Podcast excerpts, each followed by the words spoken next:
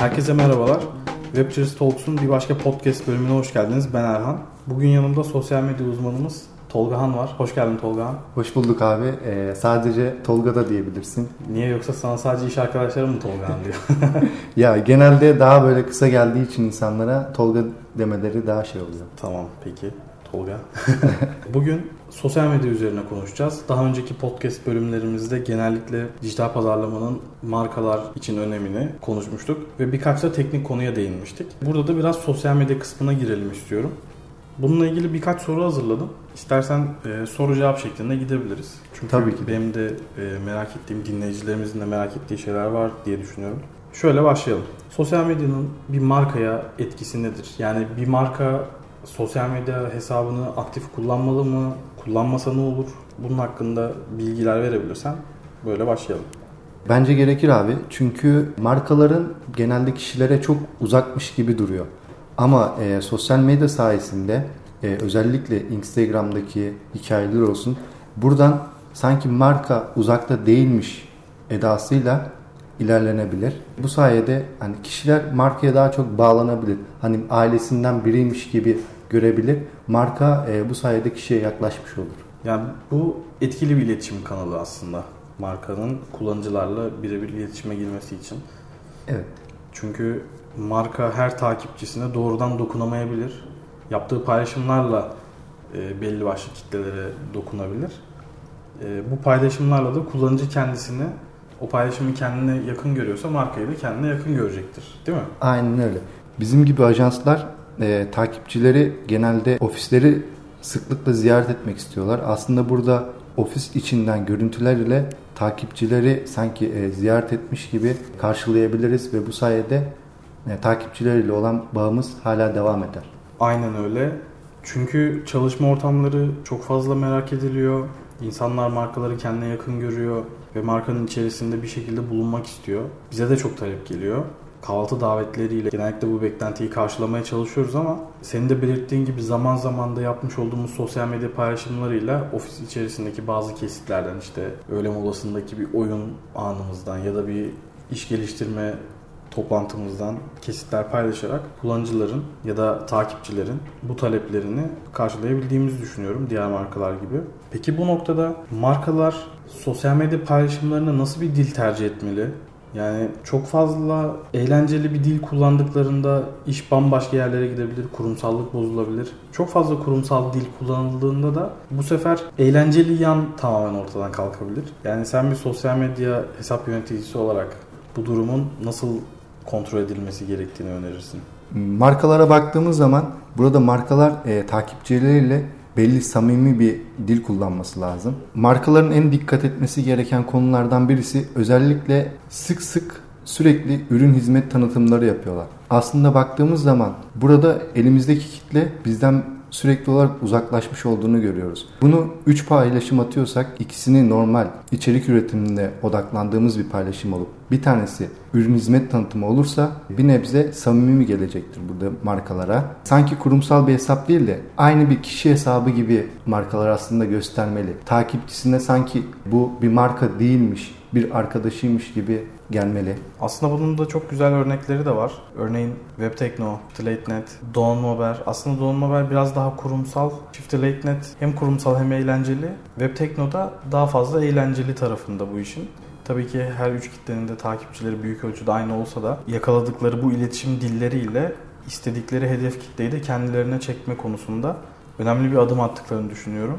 Peki sosyal medya paylaşımları nasıl planlanır? Yani sosyal medya paylaşımı yaparken genel olarak dikkat ettiğin şeyler nelerdir? Bunlardan bahsedebilir misin? Burada özellikle dikkat etmemiz gereken aslında dilimizi güzel kullanmamız gerekiyor. Burada ekler olsun, yazım yanlışları olsun bunların yapılmaması gerekiyor.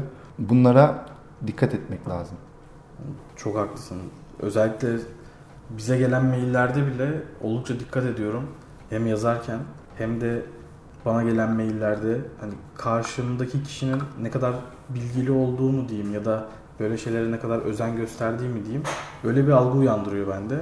yazım kurallarına vesaire ne kadar fazla dikkat ederse sanki o konuya o kadar hakimmiş izlenimi veriyor bana. Dolayısıyla sosyal medya paylaşımlarında da böyle olmalı diyorsun. Evet. Ee, onun dışında peki işte özel gün paylaşımları ya da paylaşmak istediğin bir gönderiyi hangi gün, hangi saat, hangi dilimde paylaşman gerektiğine nasıl karar veriyorsun? Ee, burada tamamen hedef kitleye göre değişiklik gösteriyor. Burada genelde sosyal medya yöneticileri kendine göre bir strateji belirleyerek e, farklı günlerde, farklı saatlerde attığı paylaşımları karşılaştırır. Bunlar tabi birçok yerde istatistikleri mevcut ama tabi bunlar ne kadar doğru, ne kadar yanlış bu konuda belli bir şey olmadığı için genelde sosyal medya yöneticileri farklı günlerde deneme yanılma yöntemiyle kendine göre bir yol belirliyor. Bu sayede devam ediyor. Anladım. Ona göre etkileşimi yüksek olan zaman dilimlerinde paylaşımlarını planlıyor. Peki etkileşimi düşük olan günler için bu oran nasıl arttırılır? Örneğin şu anda sen işte girişimci kafası vesaire hesapları yönetiyorsun. Mesela şu anda tamamen afaki konuşuyorum. Diyelim ki pazartesi gününden cuma gününe doğru gittikçe azalan bir ivme olduğunu düşünelim. Şimdi bu durumda gönderinin yüksek etkileşim alması için grafiğe baktığımızda pazartesi, salı, çarşamba paylaşım için en uygun gün olarak görülüyor. Peki perşembe, cuma ya da hafta sonu için grafik eğrisi düştüğünden dolayı bu etkileşimi arttırmanın yolları nelerdir? Yani illa etkileşimi yüksek olan günlerde mi atmak lazım yoksa sayfada sürekli etkileşim olsun diye etkileşimi düşük olan günleri de bir şekilde bence yükseltmek gerekiyor. Ya da gerekiyor mu? Bunu bir sosyal medya uzmanı olarak sana sorayım. Ya yine bu kişinin kendi hesabına bağlı olarak izlemesi gereken bir yöntem. Ama tavsiye verecek olursam burada diğer günlerden daha kaliteli içeriklerini ya da kişi kesin bu tutacak bir içeriği varsa bugünlerde paylaşıp gerekirse hani etkileşim daha diğer günlere göre daha az kalıp buradan etkileşim toplayabilir ve o günleri de normal bir hale getirebilir. Hikayelerle destekleyebilir o günleri. O günlerde çıkacağı bir reklam o gün grafiğini yükseltebilir. Çeşitli yöntemler ile kişi o günleri de daha aktif hale getirebilir. Hmm, anladım. Bir önceki soruda verdiğin yanıt vardı. Sosyal medya uzmanları bazen deneme yanılmayla etkileşimlerini de gözlemliyor demiştin. O zaman bu noktada da söylediğin şey aslında bir önceki soruyu da kapsıyor. Yani deneme yanılma yapacağı bir gönderiyi etkileşimi düşük olan günlerde de paylaşabilir. Ama önemli bir şey varsa bir duyuru olabilir, başka bir şey olabilir özel bir gün olabilir. Bunu etkileşim en yüksek günlerde yapması gerekiyor o zaman senin tavsiyene göre. Burada aslında içeriğimize de bakabiliriz. Kaliteli bir içeriğimiz varsa e, bu içerik örnek vermek gerekirse pazartesi günü paylaştığımız zaman 7000 beğeni 8000 beğeni alacakken perşembe günü paylaşıp biz perşembe gününü aktifleştirmek için yani 5000 4000 beğeniye düşebiliriz. Orada beğeniden feragat ediyorsun ama biraz da aktif olunmasını sağlıyorsun. Evet kişiler yani o günlerde öne çıkacağı için hesabın öne çıkması biraz daha etkili olacaktır. Kişilere daha da yakınlaşacaktır. Anladım süper. Peki Şimdi sosyal medya hesap yöneticisinin ana işi aslında sosyal medya hesaplarını yönetmek adı üstünde. Ama artık her marka sosyal medyayı aktif olarak kullanmaya başladığı için her sektörün farklı farklı dinamikleri, takipçilerin beklediği farklı farklı şeyler var. Bu noktada sosyal medya hesap yöneticileri sektörünü bilmediği markaların paylaşımlarını nasıl planlıyor?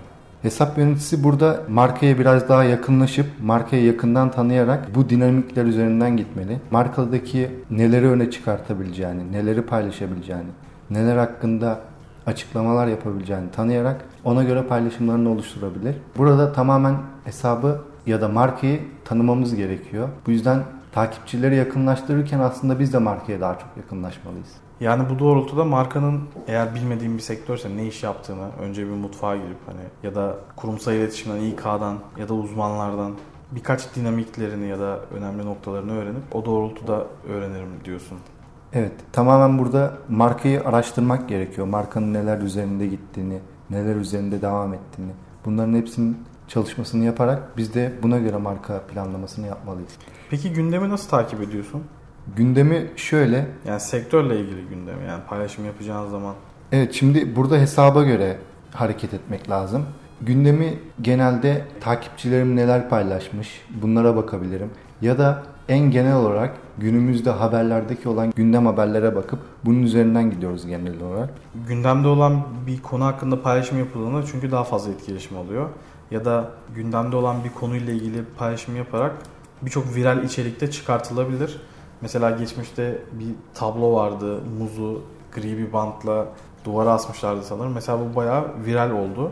E, sonrasında da bir ajans bir marka için böyle bir pazarlama çalışması yaptı ve bir ödül de aldı diyebiliyorum. Aslında gündemi takip etmenin de bu tarz avantajları da var.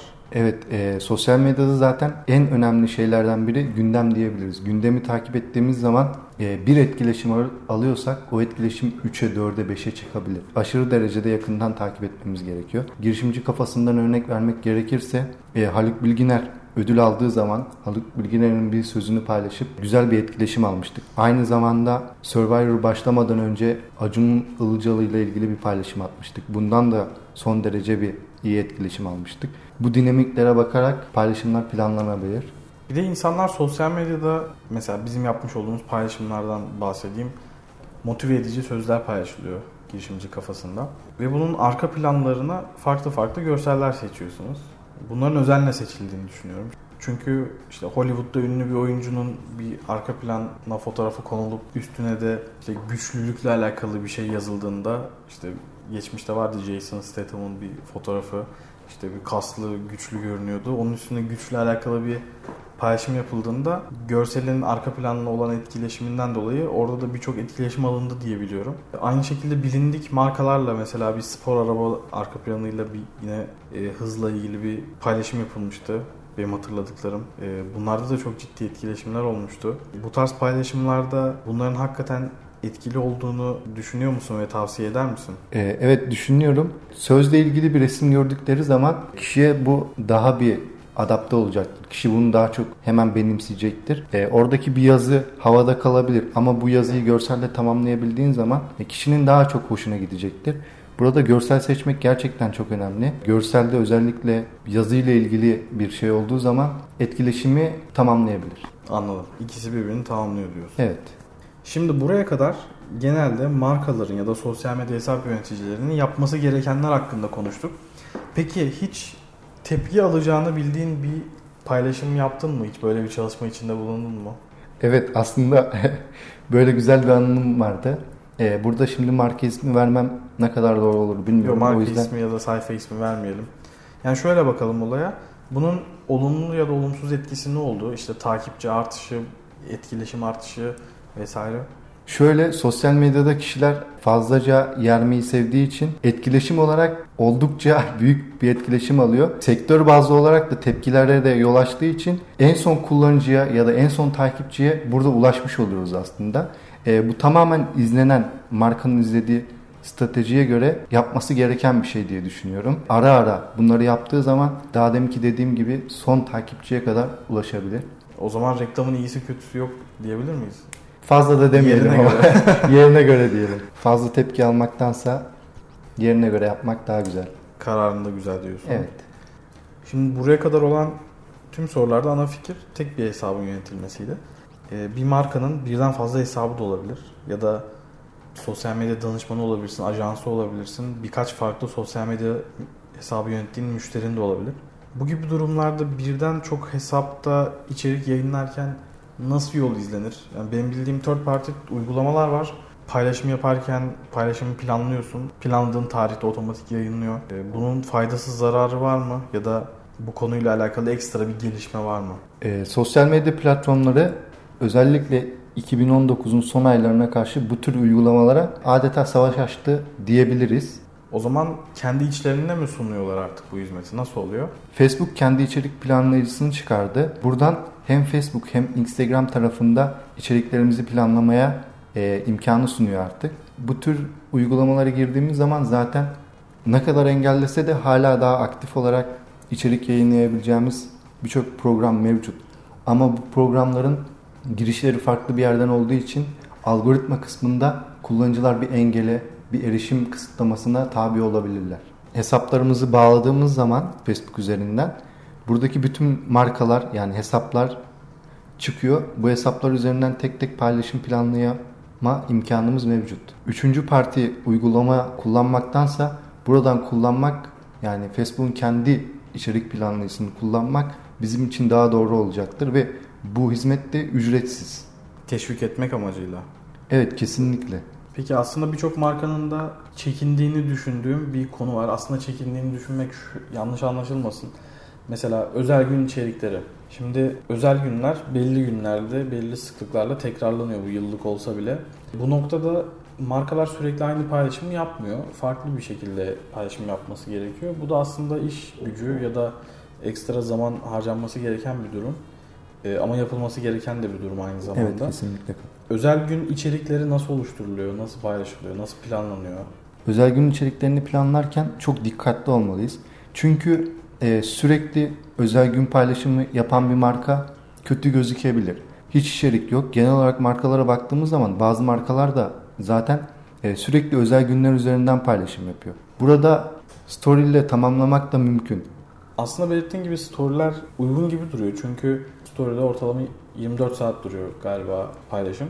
24 saat sonra silinecek ve markanın sosyal medya sayfasındaki ana içerik akışını da bozmamış olacak aslında. Hem de takipçilerine o günkü paylaşımı göstermiş olacak. Kesinlikle. Burada zaten e, çok o güne özel paylaşımlar olacağı için ana sayfada e, kullanıcıyı durduracak, hani içerinize bakmasını sağlayacağınız bir içerik çıkartmanız gerekiyor. Onun haricinde story'den basit bir şekilde geçebilirsiniz. Peki bugün e, sosyal medyanın markaya etkisi, sosyal medya hesap yöneticilerinin marka hesaplarını nasıl yönettiği ve içerik kurgulamasında nelere dikkat edilmesi gerektiğine dair faydalı konular üzerine değindik. E, ekstra eklemek istediğim bir şey var mı? Bu bir püf nokta olabilir, e, farklı bir şey olabilir.